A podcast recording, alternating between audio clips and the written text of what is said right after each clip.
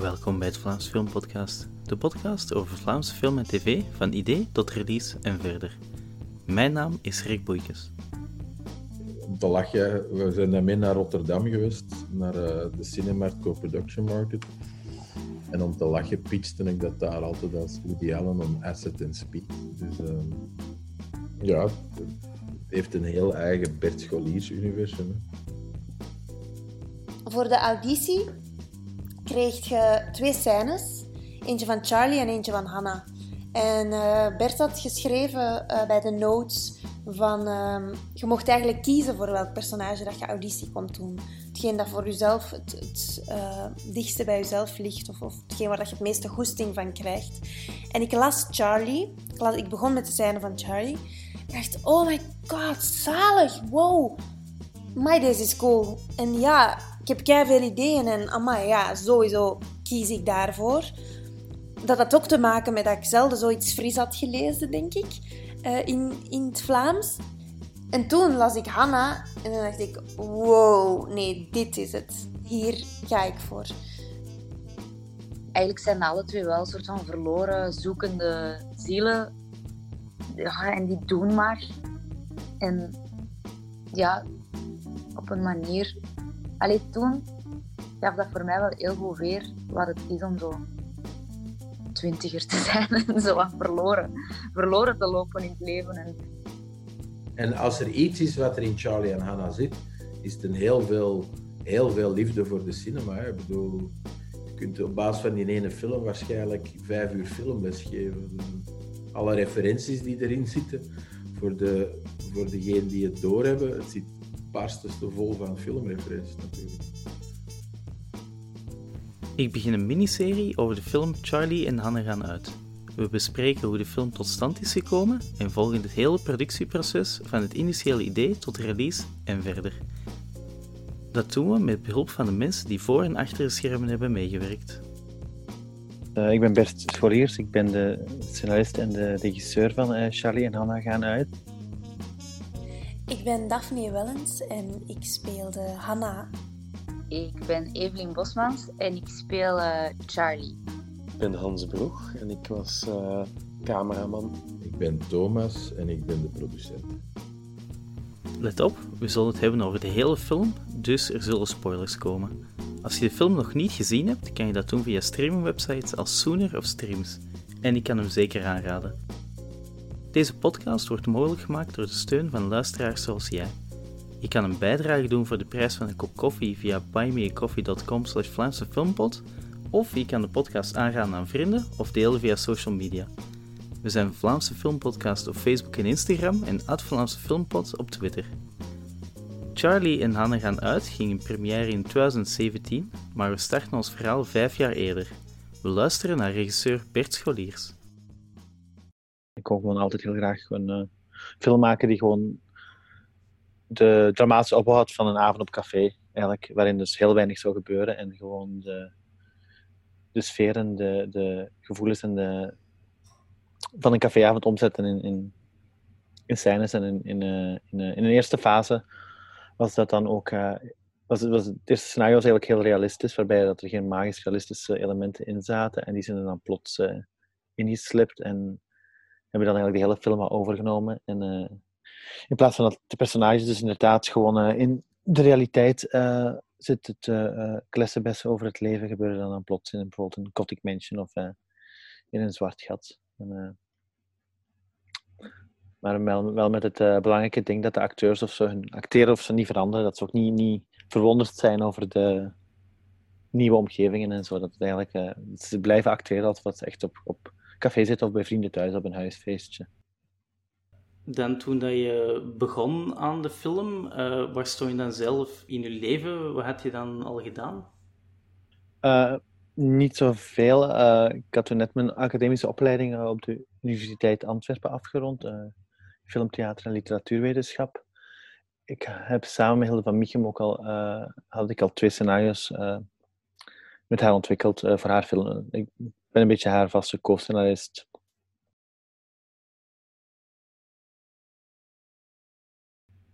Ja. Uh, ik heb ook uh, van jou een, uh, treatment gekregen dat je dan in 2012 had geschreven. Daarin, op dat moment was het verhaal, zoals je vertelt, nog heel simpel. Uh, twee meisjes gaan er een etentje bij vrienden. Na het etentje gaat een meisje op café, gaat het andere meisje een kat van een vriendin in haar appartement binnenlaten. Ja, dat ben ik al helemaal vergeten. Ongelooflijk. Ja. het, het ene meisje beleeft een avond waarop niets gebeurt. Het andere bedriegt haar vriendje zonder veel reden eigenlijk. Dat is... Grappig, ja. Dus ik was van die kat al helemaal vergeten. Ja, dat was ook een, een, een vraag. Uh, uh, in, in de treatment vertel je ook dat de kat op een bepaald moment ook uh, zich tot de camera richt om te zeggen wat dat zij aan het doen was. maar dat is, ja, dat is er uiteraard niet ingeraakt. Je hebt zo daar, in dat treatment wordt al gepraat over die uh, nouvelle vague elementen. Mhm. Zoals tot de camera richten. Plotseling staat er een, uh, een piano in een, in een nachtwinkel. Mm Leg er ook een beetje een link met uh, Smoor Verliefd. Waarin dat er ook zo van die magisch realistische elementen zijn. Is dat ook iets dat je heel erg aanspreekt dan? Ja, die magisch realistische elementen in Smoor Verliefd, dat, dat, die kwamen inderdaad door mij, dat die erin zaten. Ja. ik vind dat gewoon altijd heel leuk om, om die dingen in, in onze realiteit binnen te smokkelen. Uh, dat maakt iets altijd veel kleurrijker. En vooral vind ik het heel leuk als er niet, niet iets van gemaakt wordt of zo. Dat het niet met een hoop van digitale effecten is of zo, maar dat dat gewoon een soort droge magie is uh, die de film incijpelt. En, maar dat is, dat is ook natuurlijk heel erg gestolen van, een van denk mijn grote creatieve voorbeeld en leermeester Woody Allen, die dat in zijn films ook heel vaak doet. het in de camera praten, het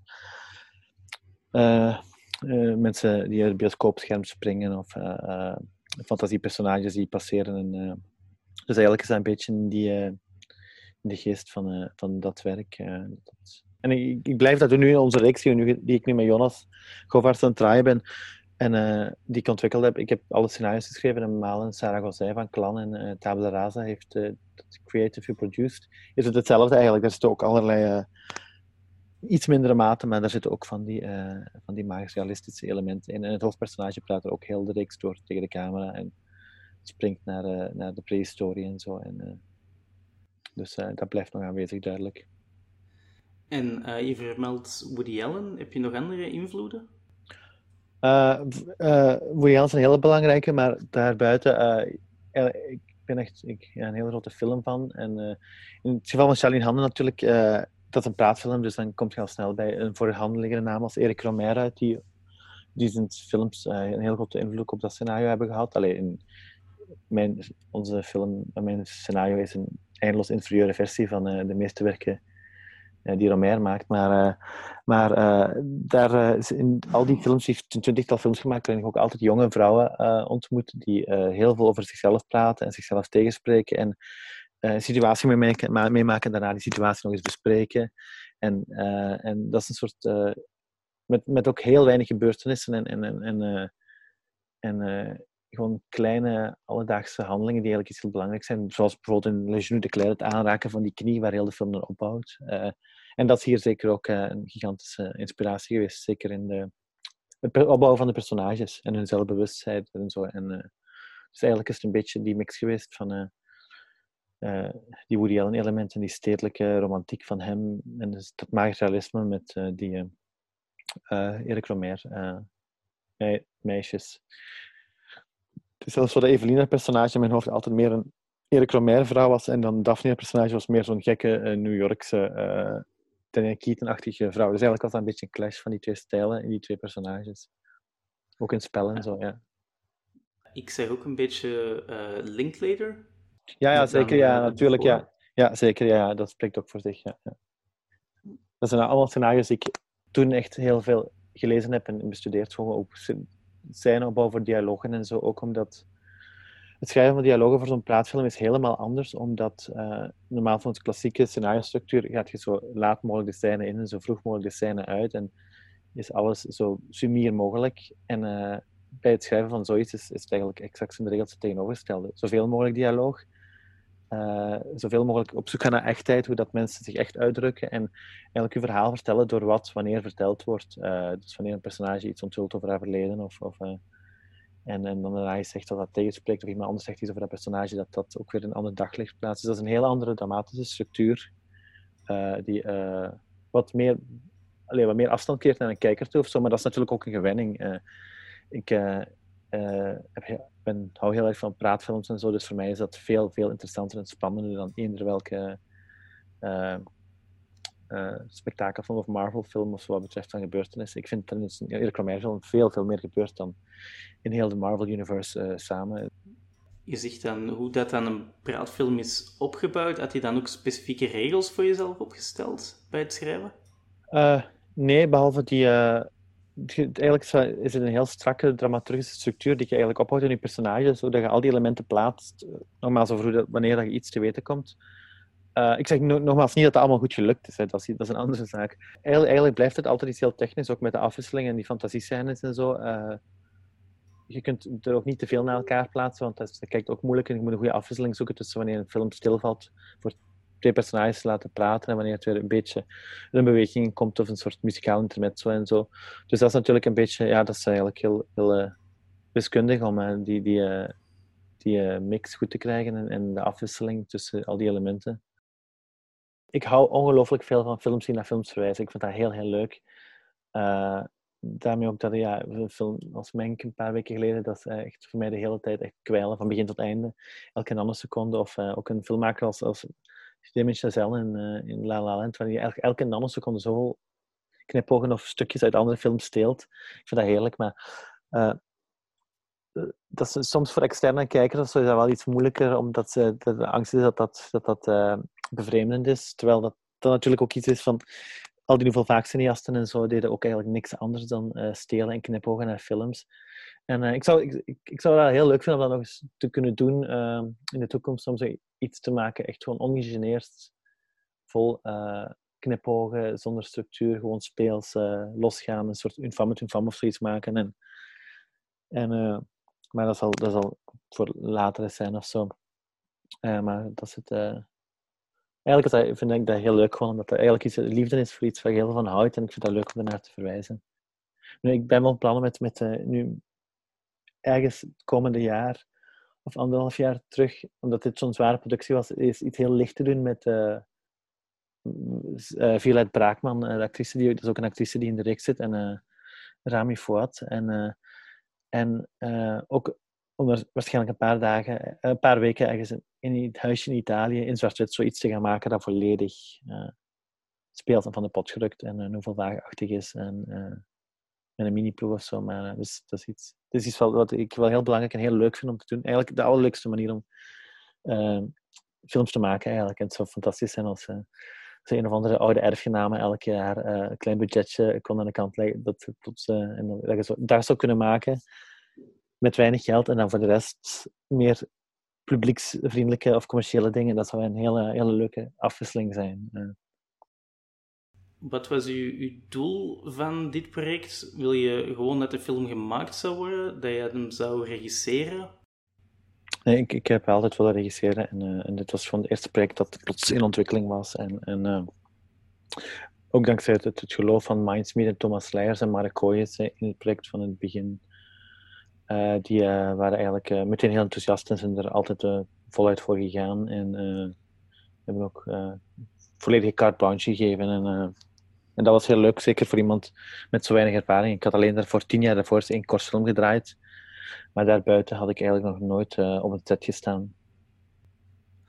En hoe, hoe, was je in contact gekomen met Mindsmith? Uh, Mark uh, was toen een, van mijn beste vrienden die daar werkte, Mark Gooyes. Dus uh, we waren heel goed bevriend. Dus dat is eigenlijk heel makkelijk gelopen. En ik kende Thomas Leijers nog van een jaar of zes, zeven eerder. ik had hem al eens een paar keer ontmoet. En, dus dat is eigenlijk heel, heel gemakkelijk gegaan.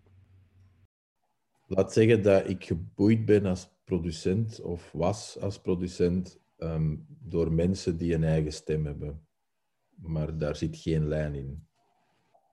Ik denk dat als je Bas de Vos en uh, Bert, Scholier naast een, Bert Scholiers naast een zet, dat zeer uiteenlopende films zijn. Maar wat die wel met elkaar verbinden, is dat dat twee Ja, of, of elke auteur, Caroline Strube, Gust van den Bergen, dat dat allemaal auteurs zijn met een, een zeer eigen, unieke stem. En dat, dat boeit me wel, ja. Dat boeit je dan ook aan Charlie en Hannah, dat een heel duidelijke Dat mogen we zeggen, hè. Dat, dat dat direct een eigen stem. Hè. Om te lachen, we zijn daarmee naar Rotterdam geweest, naar eh, de Cinemarkt Co-Production Market. En om te lachen pitchte ik dat daar altijd als Woody Allen on Asset and Speed. Dus ehm, ja, het, het heeft een heel eigen Bert Scholiers universum. Hè. De film die zou uw regiedebuut worden. Ben je daar dan ook mee bezig van wat dat jouw regiedebuut zal zijn? Is dat belangrijk? Eh, ja, ik vond het wel belangrijk dat het iets zou zijn waar ik zelf eh, 100% eh, achter eh, sta. Ik merk bij veel bevriende regisseurs dat bij een eerste film er, dat er al vaak een, soms een soort van angst of onzekerheid optreedt, waardoor dat die filmmakers door, soms door, door eh, zenders of productiehuizen, producenten gedwongen worden om iets te maken dat eigenlijk niet 100% is wat ze eigenlijk willen maken. Om, eh zogezegd gebaseerd op de ervaring van, van de producenten of die een commercieel inzicht en zo. Maar eh, ik vond het heel belangrijk om dat niet te doen. Dat het gewoon iets is, is waarbij dat, ik zelf voor- vooral heel tevreden ben erover. En, en dat, dat lijkt me ook de enige juiste manier om wat dan ook te maken. Want vanaf dat je zou moeten gaan luisteren naar meningen van de 13 of, of 45 mensen, van, alle, van zenders, van filmfondsen, van eh, producenten, dan, eh, dan raak je zelf je, je zwaartepunt een beetje kwijt, creatief, denk ik. En zeker als die eh, meningen elkaar dan tegenspreken of zo. Dus dat is bij dit project eh, eigenlijk niet gebeurd en dat vond ik echt heel belangrijk. Daarmee natuurlijk ook dat het niet echt eh, de meest commerciële film was of zo, maar, eh, maar het is wel iets waar ik eh, zelf en ook de actrices en zo en, eh, heel, heel blij mee was, gewoon omdat exact was wat we wilden doen. Bij het schrijven dan initieel, eh, hou je dan veel rekening met haalbaarheid van de traaien? Eh, ja, dat wel. eh. En maar ook, deels ook wel niet, omdat er zit ook veel allee, knullige special effects in de film die bewust zo zijn. Dus natuurlijk, dat konden allemaal heel belachelijk dure special effects zijn geweest. En in dit geval hebben we gewoon in een, in een glazen bokaal eh melkklonters te gooien. En, en we zitten blazen met een rietje en dat soort dingen om heel dat universum. Dus eh, eigenlijk wa- was, was er ook geen beperking in het hoofd daarop, daarop gebaseerd. eh, natuurlijk omdat je ook zo die, die horrorsequentie, eh, dat je bedenkt ook wel een beetje op de haalbaarheid natuurlijk. Gothic Mansion brandt ook niet af of zo. Dat is gewoon één locatie waar mensen gewoon praten. Dus je weet dat je dat wel een beetje gedaan krijgt. Dat bordeel en zo ook. ja, een film maken kost geld. En zelfs deze, die met heel weinig middelen is gemaakt, met heel veel liefde en passie van de ploeg ehm, en van de cast, is, is, is, ehm, kost nog altijd geld. En dus je moet daar wel over waken dat je dat beheert als producent, dat je, daar, dat je de grenzen aangeeft van tot waar dat je kunt gaan. Aan de andere kant hebben we wel gezegd van ja, oké, we weten dat dit, dit is geen commercieel project. Dit is een, dit is een, een auteursproject en dus het ging niet over van wat is er haalbaar of wat is er... Het is eerder wat is er doenbaar, hè, wat is er realiseerbaar. En van daaruit zijn we vertrokken, zeker. Ja. Toen hij in 2012 dan VEF-steun aanvroeg, er was toen nog scenario-steun, hoeveel kans zag je op dat moment dat de film effectief gemaakt kon worden? Ik, ik, eh, voor, voor mij heel veel kansen, omdat ik enthousiast was erover. Natuurlijk, de, maar de buitenwereld eh, had er natuurlijk anders over kunnen denken, maar eh, ik was nog wel zeker van het project. De film speelt zich af in Antwerpen. Ik ben zelf eerder afkomstig van Limburg. Waarom juist Antwerpen? Ja, ik woon hier wel sinds 2005 of 2006, denk ik. Dus ik, ja, ik woon hier al even. Vandaar dat dus Antwerpen. Maar eh, de, de, de, volgens mij, het treatment die jij, de, die, de allereerste treatment die jij gelezen hebt, eh, speelt, daar speelt de film zich nog af in Brussel, denk ik. Hè? Borgerhout. Ah, dan, oké, dus kort daarvoor was het nog in Brussel. Dus ik, heb, ik herinner Ah, ja. me dat een heel scenario-versie nog in Brussel eh, ook. Maar dat is dan Antwerpen geworden. ik kan me al op dit moment niet meer goed herinneren waarom precies, denk ik. Als je een, eh, een treatment bent aan het schrijven, eh, moet je dan ook zo wat inhouden om niet het hele scenario al te schrijven? Of, maar je vermeldt nu al dat je al een, een scenario had. Ja, voor dat, dat treatment wat, jij gelezen hebt, was specifiek voor het FAF. En daarvoor was er al een scenario, is er al een scenario-versie geweest, ja, ja. Ja, ik vind de treatment bijzonder vervelend om te schrijven. De, het exemplaar dat je hebt gelezen was nu wat afwisselender. Dat is niet, dat is niet echt een doorsnee treatment. Uh, geen doorlopende tekst. Maar uh, ik vind het veel leuker. En dat is soms zelfs... Uh, soms is het wel minder productief. Maar is het wel contraproductief, maar ik vind het veel leuker om gewoon een scenario te beginnen schrijven dan aan, uit te zoeken waar je uitkomt. In plaats van alles op voorhand helemaal uit te plotten. Ik vind het veel toffer om te schrijven, dan te zien wat het is en dan technisch naar te kijken en dan weer te gaan schrijven en dat af te wisselen in plaats van heel lang met, met, met, met post-its heel de film uitdenken en dan pas te gaan schrijven. Maar zoals bijvoorbeeld wat ik zie we nu gedaan hebben, is op die manier geschreven. Dus eigenlijk was die, die is helemaal, uitgedacht. En, en dan zijn we pas aan de slag gaan met het uitschrijven van de scenario's.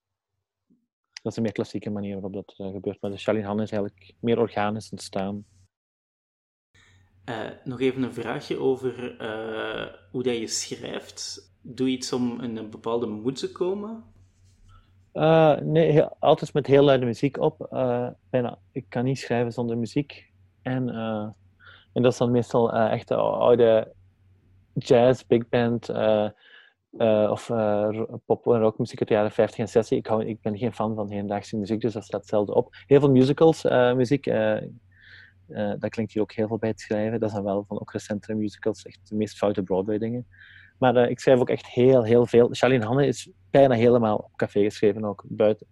Uh, ik kan soms moeilijk thuis niet, niet, niet in de juiste concentratievibe worden. En als ik ergens gewoon zit in een koffiezaakje of een cafeetje achter de computer, ben ik veel geconcentreerder. En ik heb bijvoorbeeld in een van mijn favoriete cafés in Antwerpen, de Cabron, er was vroeger uh, bij de digitafel echt een heel, een heel handig stukje bar in de hoek. En daar heb ik denk ik echt uh, tientallen, tientallen avonden zelfs soms uh, blij gewoon doorgeschreven. Terwijl het café gewoon een volle bak was, zat ik achter de computer uit te typen. En, en ook. Dus de, dat mis ik nu vooral. En godzijdank ben ik nu niet aan het schrijven, maar ik ga nu terug beginnen als deze reeks af is. Binnen twee maanden ligt er heel wat schrijfwerk voor de boek voor nieuwe projecten. En ik hoop echt dat de horeca terug open is tegen dan, want dat is uh, de meest productieve plek voor mij om het uh, te schrijven. Ook omdat je de hele tijd... Zit aan een raam, er passeren mensen en je krijgt de hele tijd nieuwe impulsen of zo, waardoor dat je je hoofd creatiever blijft. En zo thuis blijf je staren naar diezelfde uh, boekenrekken of diezelfde plekken, waardoor dat er... er dus de, de, gewoon de visuele stimulatie en variatie van mensen die op straat passeren, zo doet heel veel bij het schrijven bij mij. Schrijf je ook anders als je weet dat je zelf gaat regisseren? Ja, omdat uh, nu ook de afgelopen jaren heb ik eigenlijk bijna alleen maar voor mezelf geschreven. Maar als, als, uh, ik heb ook bijvoorbeeld in Writer's Room voor Connie en Clyde uh, gezeten van Malen en, en ook bij de Luizenmoeder. En in beide gevallen stelt je natuurlijk volledig ten dienste van dat project. En, en, en dan schrijf ik gewoon maar zoveel mogelijk en dan moeten ze maar zien wat ze daarmee doen. En, en welke grapjes of wat dan ook er behouden worden of zo. Maar dan, uh, dan is dat ook dat is een heel andere psychologische uh, vibe. Voor zo'n ander project ligt je nooit wakker uh, urenlang over één zinnetje, wat in dit geval wel echt bij eigen projecten wel het geval is. Dat je maar blijft gedeprimeerd van shit, die ene zin is nooit goed gekomen. En, en, en dat is niet bij projecten voor anderen. Dus eigenlijk is voor andere mensen schrijven veel ontspannender, omdat dat niet... de, de creatieve verantwoordelijkheid ligt niet bij jezelf. Dus Vraag je ook feedback aan mensen? Ja, zeker. Liefst alleen aan de juiste mensen. Maar uh, in, Charlie in het geval van Charlie Hand is dat niet zo heel veel gebeurd. Omdat ik nog wel zeker was over dat, wat dat moest zijn of zo. Maar uh, nu met die tv-reeks is natuurlijk wel meer feedback die, die er is. Maar zeker ook omdat Malen nu zo nauw betrokken was, Malen. En zij zo goed is in, in structuren en personages en zo. Dus daar heb ik heel veel aan gehad. En zij, heeft eigenlijk altijd, zij was altijd zo de master Yoda bij dit project. Die alles uh, in vraag strong of, of mee pushte of, of uh, met nieuwe dingen afkwam en zo. En, uh, ik vind het ook vooral, ik vind het eigenlijk ook belangrijk om feedback te hebben van mensen die in de leeftijdscategorie van de personages en zitten, dan eigenlijk van mensen die technisch geschoold zijn in scenario schrijven, omdat zo'n andere manier van lezen en kijken is dat, dat ik daar in de toekomst wel zeker meer wil doen. Of zo. Ik vind het ook veel leuker. En in dit geval bij, bij onze reeks nu, en bij, bij Charlie Hanne ook minder, waren de actrices al van de... Van, de eerst waren er de actrices, Evelien, Daphne en Fransjes, en daarna was er pas een reeks. Uh, dus uh, zij waren, hebben gewoon elke fase mee doorlopen en alles gelezen. En Daphne Wells heeft ook echt veel mee in de writers rooms gebrainstormd over structuur en zo. Zij zat er ook vaak bij met mij helemaal. dus dat is nu een heel... Dus automatisch is er veel meer feedback van... Uh, het is niet het gevoel van zo'n een, een, eenzame schrijver op, uh, op een zolderkamertje. Een, iets dat altijd teruggekoppeld heeft naar, naar het tweede project nu, naar die actrices. En die, hebben bijna, die hebben altijd hun mening gehad over alles. En veel dingen zijn ook echt op maat. En met ideeën van hen en zo. daar ben ik mee aan de slag gegaan. Je hebt mij ook een, een shooting script bezorgd. Een verandering tussen die treatment ervoor en de shooting script is dat Charlie zingt niet meer. Was hij al snel er, uh, weg? Uh, ja, nee, inderdaad. Dat is, dat is gewoon, ik wil altijd zoveel mogelijk musical elementen in alle scenario's krijgen. Dus vandaar dat dat daarin zat. We hadden bijvoorbeeld in de reeks nu net hetzelfde. Dat was ook in de laatste aflevering eindigde met een musical sequentie. Dat is nu ook al heel lang uit, het, uit, het, uit de scenario's verdwenen. Maar uh, dat was ook specifiek naar die momenten zo magisch in die Nouvelle Vague films, waarin dat, uh, die, die, die dingen gebeuren. Uh, waarin een actrice gewoon even een liedje zingt of en even een narratief onderbreekt. Of, of ook naar die Marlene Dietrich films of zo, waarin dan Marlene Dietrich even naar act heeft. Dat was eigenlijk echt een, in, die, die, in de geest daarvan. En dat is dan ik weet eigenlijk zelf, ik, op dit moment weet ik niet meer heel goed waarom het uit het scenario is verdwenen, omdat Charlie niet meer zingt. Misschien dat ik het op een bepaald moment te clichématig vond of zo. Of, of, ik weet het niet. Ik, weet echt, ik heb echt geen idee meer waarom dat uh, eigenlijk niet in de film zit. De grootste nieuwe toevoeging was de snoepjes. Kan je daar meer over vertellen? Hoe dat die erin zijn gekomen? Uh, dat, is, uh, dat is gewoon... ik, heb dat letterlijk gestolen van Celine en Julie van een Bateau. Met die, uh, die halverwege die films. Die dat een film van die drie uur durende film van Rivet, waarin dat die meisjes. Julie Bateau en uh, de andere actrice, haar naam ontgaat me nu, halverwege de film plots groene knikkers in hun mond stoppen en in een soort Henry James-achtige eh, roman belanden. En ik vond dat zo'n knullig, tof idee dat plots in pagina 10 die snoepjes er waren. En toen ik meteen een versie geschreven heb, heb van het scenario, heel gelijkaardig aan de uiteindelijke film. Er is eigenlijk niet, niks drastisch meer veranderd. dat gewoon al die absurde situaties gewoon zich opvolgden. En dat was gewoon door het feit dat, uh, dat, dat met die snoepjes gebeurd was. Plots was een klik in mijn hoofd, waardoor die film helemaal uh, wegging van, uh, van die, dat hier en nu, van die realiteit en zo. En bijvoorbeeld de, de...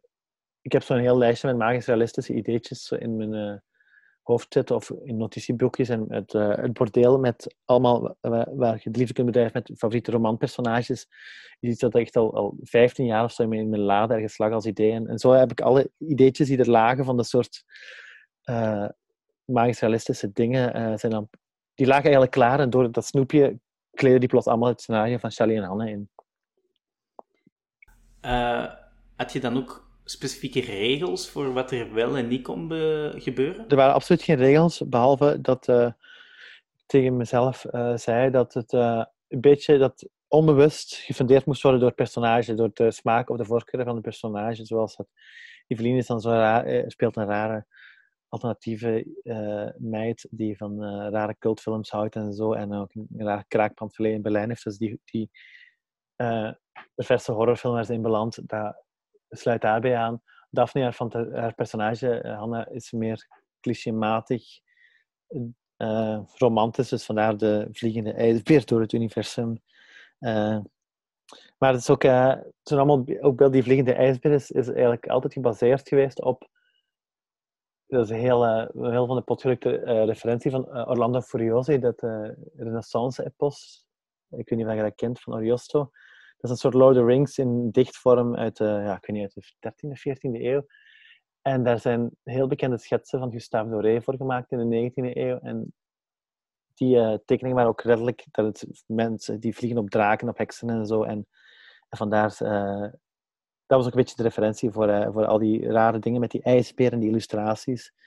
de tijd en ruimte gewoon, een continuum gewoon volledig negeren en, en, en de, de, snelheid van het licht en zo.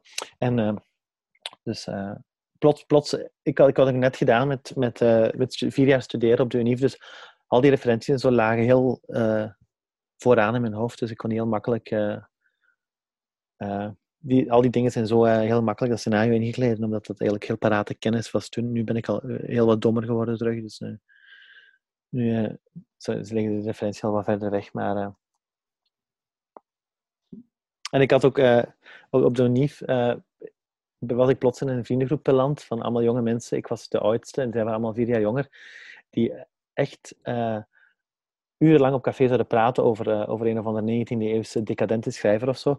En daarvoor had ik in mijn leven mijn vriendengroep nooit die ervaring gehad van dat soort mensen, dat die bestonden. En ik dacht van, wow, dit zijn echt mensen uit Woody Allen films die hier bestaan, als, die hier voor me zitten als twintigjarige. En dat heeft ook een hele grote invloed gehad trouwens op, de, op het feit dat die personages zich uitdrukken. Om daar te zeggen van, dat bestaat wel en, daarmee door te gaan. Uh, zeker in Charlie en Anne. Er zijn ook letterlijk heel veel quotes en zinnen die echt letterlijk gezegd zijn door uh, vrienden van mij. En bij het schrijven zelf, is er dan van het FAF nog veel extra oversight daarop? Ik weet niet hoe het dan nu zit, nu meer dan vroeger, maar uh, in principe eenmaal vanaf dat je... Uh, ja, er, er, komt altijd feedback van die zes mensen en ik krijg een document met, met die feedback. positief, negatief, soms gematigd. En dan kun je zien of je die als nog niet, of wel of niet verwerkt in je, in je scenario. Als het positief is, als iedereen positief reageert op het project, zoals nu met onze reeks die we gemaakt hebben, daar was het FAF eigenlijk altijd heel positief. Uh, vijf van de zes stemmen of zes van de zes stemmen waren altijd enthousiast. En dan waren feedback kleine dingetjes die heel begrijpelijk waren. Maar natuurlijk, als, het is ook vaak dat een project helemaal afgekraakt wordt en, of gewoon niet, niet goed genoeg is. En dan, dan zit het wel beter om echt naar die feedback eh, goed te luisteren. En als je nog een, opnieuw wilt indienen. Maar, dus, maar eenmaal dat je in productie bent, valt het goed mee. De, het is niet echt inmenging of zo, want het, is, zijn meer aanwijzingen en suggesties. Maar ik geloof wel dat ze er nu ook, dat ze er nu ook iets meer op volgen. Maar nogmaals, ja, ik, voor film weet ik het niet dat zit nu, omdat ik er al, al, vijf jaar geleden voor mij nu is dat, dat parcours doorlopen hebben. In 2013 kreeg de film ontwikkelingssteun en dat betekende dat er audities gedaan konden worden. We luisteren naar Daphne Welles. Uh, ik zat nog op de toneelschool, ik denk in mijn laatste jaar. Uh, maar ik had, al, ik had net, denk ik, een agent onder de arm genomen, Marie van Innis. En uh, zij had een, een annonce, allez, een oproepje gezien ehm, van Bert, die acteurs, actrices eigenlijk zocht. Ehm, en zij had nog met Bert in de klas gezeten en ze zei dat is echt een toffe, een toffe maker. Ik denk dat dat interessant is, dus voilà. Ik heb dan een mailtje gestuurd, denk ik, naar Bert en dan ben ik op auditie gegaan. Frantjes en Daphne zijn op dezelfde dag op de auditie in 2013, denk ik, echt in de kerstperiode binnengelopen. En ik was meteen een heel grote fan en die werden prompt gecast. En allebei, zonder dat we het wisten van elkaar, hadden wij zo wel laten vallen tegen Bert en tegen de, de mensen die daar nog bij waren op die auditie. Van, ah ja, Fransjes Luffenburen is ook geweest. Ah ja, dat is mijn beste vriendin. Zo in de hoop van, misschien vinden ze dat fijn dat wij echt vriendinnen zijn en gaan ze ons samen casten. En bleek dat zij dat ook had gedaan met mij, zonder dat we dat hadden afgesproken. Dus dat was nog wel grappig. Ik weet dat Daphne en Fransjes binnenkwamen, maar zeker Daphne en uh, ik wist gewoon, die zat te wachten op haar beurt bij de audities. En uh, ik wist gewoon, ah ja, oké, het is gecast. Laat maar. We hoeven, uh, niet verder, we hoeven eigenlijk de auditie niet eens te doen. En, en daar, daar geloof ik ook wel in, dat is gewoon een soort van ja, onbewust iets of zo. Hè, dat dat een soort van iets wat een actrice uitstraalde of als persoon of zo, waardoor je daar heel graag mee aan de slag wilt. En toen kreeg ik een mailtje later. Er was een hele toffe auditie in Antwerpen. En toen kreeg ik een mailtje dat ik uh, naar de tweede ronde mocht in de vorm van proefopnames. Uh, en toen moest ik daarvoor ook op, even in Antwerpen op een ochtend kostuums gaan passen. En toen zeiden al die mensen zo die daar waren van, ah, proficiat, profi En ik dacht zo, huh, proficiat? Dus toen, toen bleek al zo'n beetje dat ik de rol eigenlijk wel had, maar dat ze daar nog niet uh, volmondig hadden gezegd om, om die proefopnames nog even af te wachten. En toen hebben we die proefopnames gedaan, uh, waar ik totaal bezopen een hele dure camera bijna heb omvergelopen. Um, maar toch had ik nog steeds de rol. Rond die tijd kwam DOP Hans Broeg er ook bij. Bert is mij ehm, voorgesteld geweest door de producent van, uh, van Mindsmeet in der tijd. Daar heb ik mijn vorige films bij gemaakt, bij dat productiehuis. Ehm, met Gust van den Bergen allemaal. En ja, na verloop van tijd wordt je kind aan huis bij zo'n productiehuis. Zeker als we zo jong beginnen als wij. En uh, dan uh, heeft de, productie, de line producer eigenlijk mij voorgesteld aan een oude studiemaat van hem. En dat was met de vraag eigenlijk of, dat ik, ja, of dat wij elkaar niet eens moesten ontmoeten eigenlijk. Ja, ik, ik vond Hans zijn werk voor Gust altijd heel mooi. En Hans is een hele goede, uh, is een hele goede uh, cadreur en, uh, en iemand die niet op zoek gaat naar, naar voor, voor de handliggende kaders. En dat vind ik heel, heel leuk, die wat grafischer, grafischer composities maakt.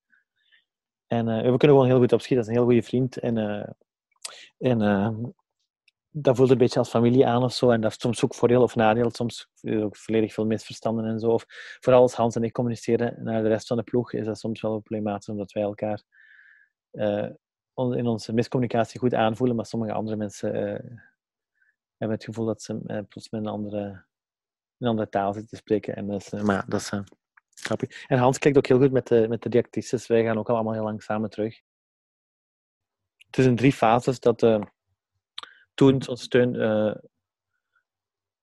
die, dat steunproces verloopt. Ik, denk dat het nu een beetje anders is, maar ik heb nu al twee of drie jaar geen langspeelfilm meer ingediend. Maar de eerste twee waren, waren we heel op scenario en ontwikkeling van het project waren we heel positief ontvangen. En dan was er een nieuwe commissie die het absoluut haatte. We hadden twee keren ingediend voor productiesteun en de commissie um, vond het niet goed. Um, maar ik heb toen een bezwaarcommissie ingediend, omdat ik vond in alle, um, moet zeggen, alle feedback die de commissie gaf op het project alleen maar bevestigde wat wij vanaf het begin zeiden dat we met het project wouden doen. Namelijk een zeer absurde, uh, van de pot gerukte komedie, of dat is geen komedie, van de pot gerukte film maken. En dat hebben we nooit onder stoelen of banken gestoken. En dus toen dat wij als feedback kregen van dit is een zeer absurde, van de pot gerukte film, hadden wij zoiets, ja, dat, weet, dat is wat we willen maken. Dus alle opmerkingen die we van de commissie kregen, waren alleen maar een bevestiging van wat we wouden doen. En dus was er het idee, ja, dit gaat nooit door deze commissie goedgekeurd worden. Dus hebben we een bezwaarprocedure ingezet. Dat, dat klinkt allemaal zwaarder dan dat het is, hoor. Dan krijg je gewoon een andere commissie die dat beoordeelt. Je hebt één kans. Dat ook nee kunnen zijn, hè. we moeten daar eerlijk in zijn. Die hadden dat ook maar niks kunnen vinden, maar die vonden het wel interessant. En dus... We gingen eigenlijk in die zomer volgens mij Charlie en Hannah draaien. Maar toen hadden wij elkaar al allemaal leren kennen, hadden we zoiets van, doen we toch? En we hebben ons vrijgehouden. Dus kwam Bert met het idee van, zeg, als we nu eens even... Uh, op tien dagen een film draaien. Uh, ik schrijf een scenario, we sluiten ons op in een appartement. En zo gezegd, zo gedaan. Dat was kei tof. Dus de draaiperiode werd vastgelegd en, zo, en toen kregen we geen steun met die, met die wisselende commissie. En dan hebben we besloten de zomer erop, in 2014, hebben uh, ik, uh, Daphne en Frantjes en nog een ander meisje dat uiteindelijk niet meer in de film zat, samen met Hans Broeg en ook met de mensen van Mindsmeet in een appartement ons opgesloten drie weken en eigenlijk gewoon een zonder geld een langspeelfilm gedraaid in zwart-wit, die op niks sloeg, die ook nooit af is geraakt, omdat die gewoon niet goed genoeg is, maar wel heel veel toffe stukjes in zitten. De zomerfilm was eigenlijk gewoon een initiatief van uh, Bert om aan de slag te gaan met actrices. Ik heb een contract nog liggen eigenlijk. Uh, ik ben wel officieel te werk gesteld op die film. Het stelde allemaal niet veel voor. Het was super, super uh, non-budget. Maar dat was ook compleet, dat was ook de opzet eigenlijk. Hè. Gewoon werken met actrices en zoveel mogelijk, uh, zo creatief mogelijk proberen te zijn met zo min mogelijk materiaal en locatie. En uh, alle tools die je normaal gezien krijgt als cameraman. Het is, uh, de opzet was echt van het in zwart-wit te doen met één lens. Enkel ik, niemand voor licht. Ehm, we wouden daarbij een beetje in de voetstappen treden van de mensen van de Nouvelle Vague. die hebben ook gezegd van wij gaan de cinema heruitvinden door gewoon alles overboord te gooien wat, wat dat er eigenlijk ja, als, uh, als, als uh, standaard wordt gezien. Dus uh, Bert dat eens uitproberen. En ehm, voor de zomerfilm was, de, was het voorbeeld echt une femme et une femme van Godard. En dat vond ik zelf ook zeer interessant. Natuurlijk, ik wou dat ook eens uittesten. Voordien heb ik altijd andere stijlen verfilmd voor regisseurs. En dit keer was het iets jazzier, zou ik maar zeggen. Terwijl dat zij dan praktische voorbereidingen nemen, ben ik dan gewoon weg uh, vintage lenzen op eBay aan het zoeken. En dan ook uh, de producent aan het overtuigen om een mini-mini Blackmagic pocket camera te kopen en zo. Dat ik dat ook allemaal gewoon interessant vind. Dus het is echt in één beweging vanuit het, uh, het idee dat we... Enfin, van eigenlijk uit de goesting om wat films te maken. De opzet van het zomerfilm was om het heel goedkoop te houden. Dus ehm, ze hebben een groot appartement gezocht dat redelijk leeg was. En daar hebben wij ons tien dagen in uitgeleefd. En daarna, als een soort van apotheose van de film, waren er ook nog een paar scènes achteraan geplakt. Ik mag dat zo zeggen, want hij was ook niet blij met de montage, Bert. Uh, uh, van de meisjes die dan uh, uiteindelijk beslissen in een bevlieging, we gaan naar Parijs. En ehm, dat, is, eh, dat werkt wel hoor. Dan zie je van, ze hebben zich... Ehm, ja, dat is eigenlijk introspectief in het appartement en verveling enzovoort. En op het einde barst dat dan allemaal los en zeggen van voort, we gaan naar Parijs. En dan heb je de drie die eigenlijk uh, mini-avontuurtjes en uh, hoge emoties beleven in verschillende uithoeken van Parijs. In Père Lachaise, uh, Kerkhof enzovoort, Montmartre, kleine straatjes her en der. Uh, de Cinematheek. Had gekund, maar we hebben de Cinematheek in Brussel nog gepakt. Maar ja, dus uh, ik denk dat die scènes in de Cinematheek in Brussel, dat die er trouwens nooit ingemonteerd zijn. Maar ja, zo zie je maar. Met het materiaal dat we hadden, konden we niet veel technisch, maar we konden onze locaties wel interessant maken. En iedereen in twee wagens duwen om naar Parijs te rijden is eigenlijk heel goed uh, voor de production value. Uh, het zit hem altijd in de decors. Ik, ik ben zelf niet zo vaak onder de indruk van wat ik doe, maar decors en acteurs en wat dat je voor de camera krijgt, is altijd wel een pak belangrijker, visueel. Een film uh, komt er uh, door het scenario en dan beeld komt er in de eerste plaats door uh, het object. En daarna, op de laatste plaats, eigenlijk pas de technische benadering van die objecten. Dus uh, voilà, meer budget brengt meer uh, speelruimte met zich mee. Er is een, een eerste versie ooit gemaakt van een montage, maar daar bleek nog heel veel uh, aan te schorren. Um, dus dat is nooit echt afgewerkt. Maar eigenlijk zouden we wel kunnen zeggen op een bepaalde manier dat dat wel de grote proefopnames waren voor Charlie en Hannah. maar dat is, dat is geen... ik denk niet dat dat eindresultaat, dat Bert dat, dat aan het verspreiden zal zijn. dus dat was nog niet helemaal geslaagd. Maar daar zitten wel al, al hele toffe dingen tussen. En, en dat was heel fijn om, om elkaar al, al te leren kennen als acteur en regisseur. Dat is ongelooflijk als je, als je... Want we hebben nu ondertussen ook al iets nieuws gedraaid, een serie.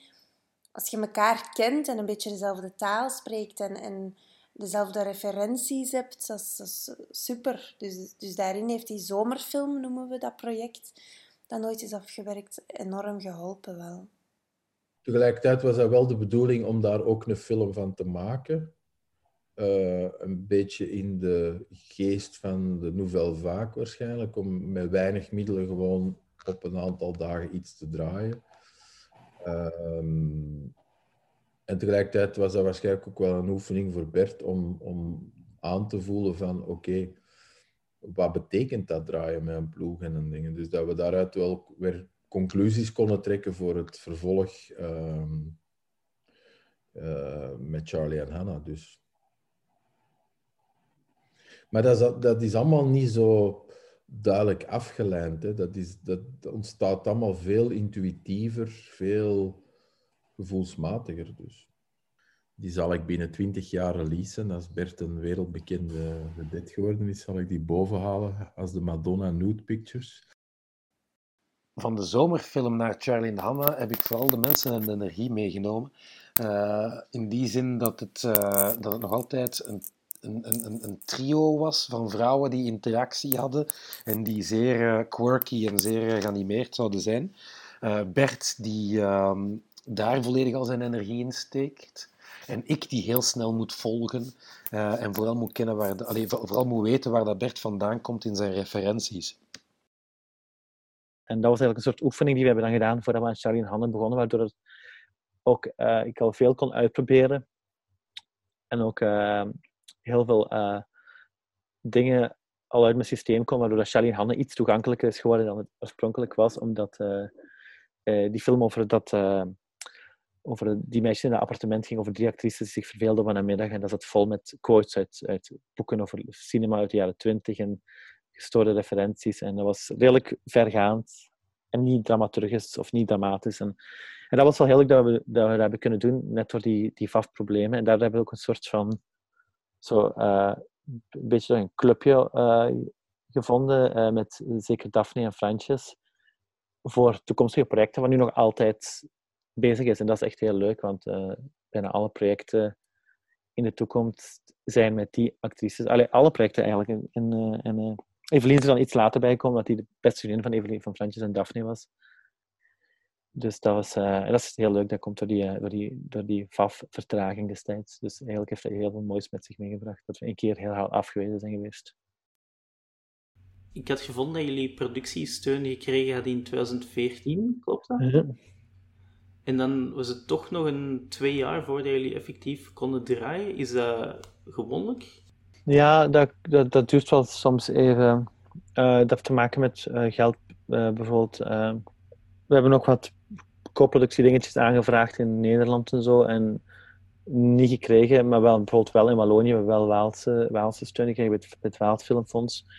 Maar dat indien hem de antwoord krijgt plots pas drie maanden later. En soms als je afgegeven wordt, dient je nog eens in. Dus eigenlijk gaat er al snel zo'n jaar voorbij. Uh, zonder dat, uh, dat dat ligt. Dus ja, dat, dat gebeurt wel vaker bij producties.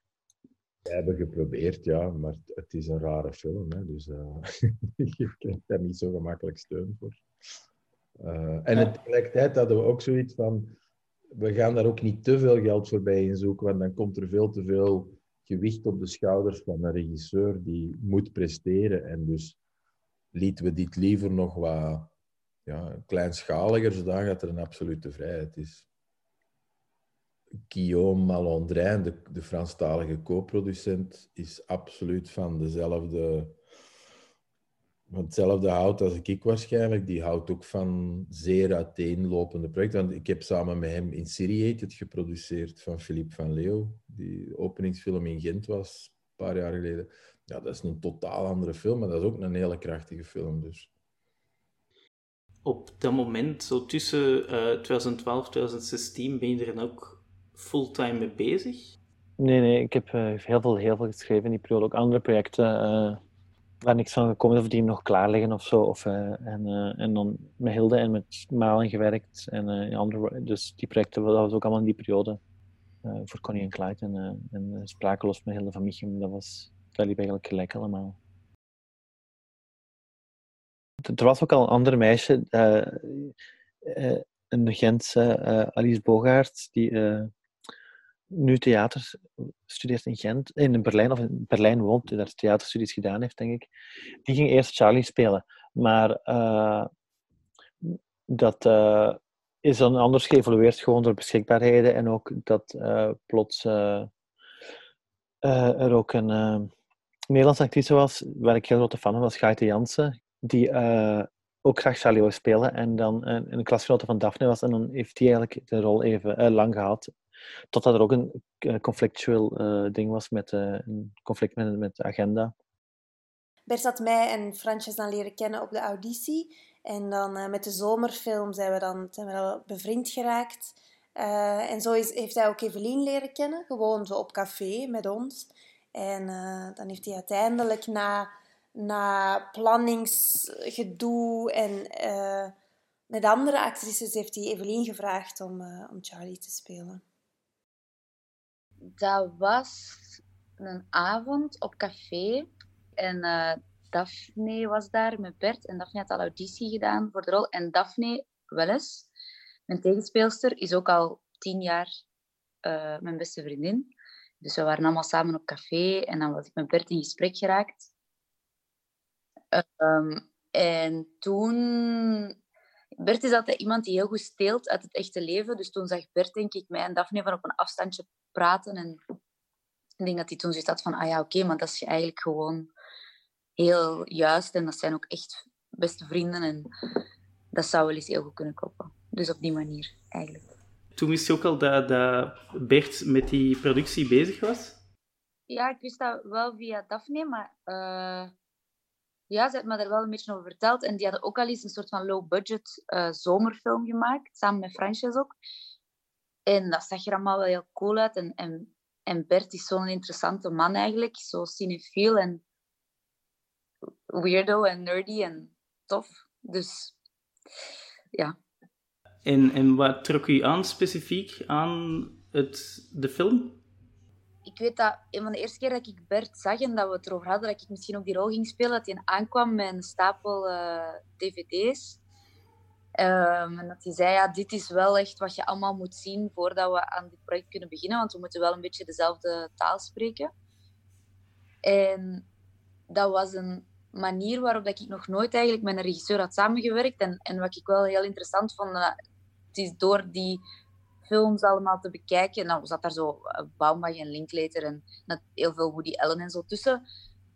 Ontwikkelde wel een jargon waarbinnen dat, dat je kunt spreken over oké, wat meer zoals die scène uit die film of wat meer zoals dat personage. En dat is wel heel, heel interessant. En dat, dat sprak mij aan. En dan is pas Evelien in het project betrokken geraakt. En dat, uh, dat was, was enkele maanden voor, voor de draaiperiode dat Evelien eigenlijk uh, aan boord kwam. En uh, die heeft dan, geloof ik, haar vakantie die winter afgezegd. En dat was eigenlijk een, een, een late... Dat was een plots verrassing doordat die andere actrice wegviel. En dan vanaf dag één dat Evelien, dat we daarmee aan het werken waren, dacht ik van ja, dat ja dus had altijd zo moeten zijn eigenlijk. Het is zo absurd.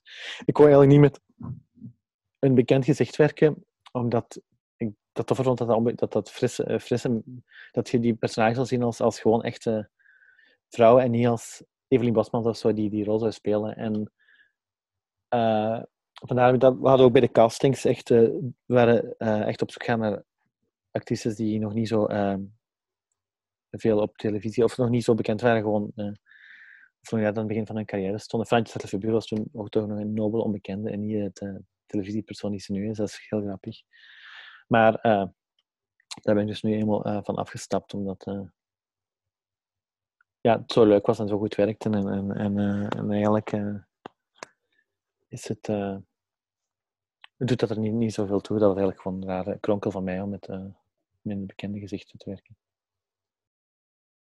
Vanaf dat Evelien gecast was, hebben meteen, ben ik met, hebben een weekend in Parijs afgesproken, Evelien, Daphne en ik. En hebben, zijn we ook zo twee dagen uh, heel idealistisch, uh, heel uh, filmisch romantisch. zaten we in de Café de Flore op een terrasje. Daar bestaat ook een mooie foto van Daphne en Evelien. En gingen we daar door het scenario. En dan kwamen zij met feedback of bedenkingen of wat dan ook. En, en dan wandelden we een stukje en dan gingen we restaurant zitten en dan praten we verder over het scenario. Ja, Bert is ook echt een romanticus. en die en een grote cinefiel. En, en die heeft...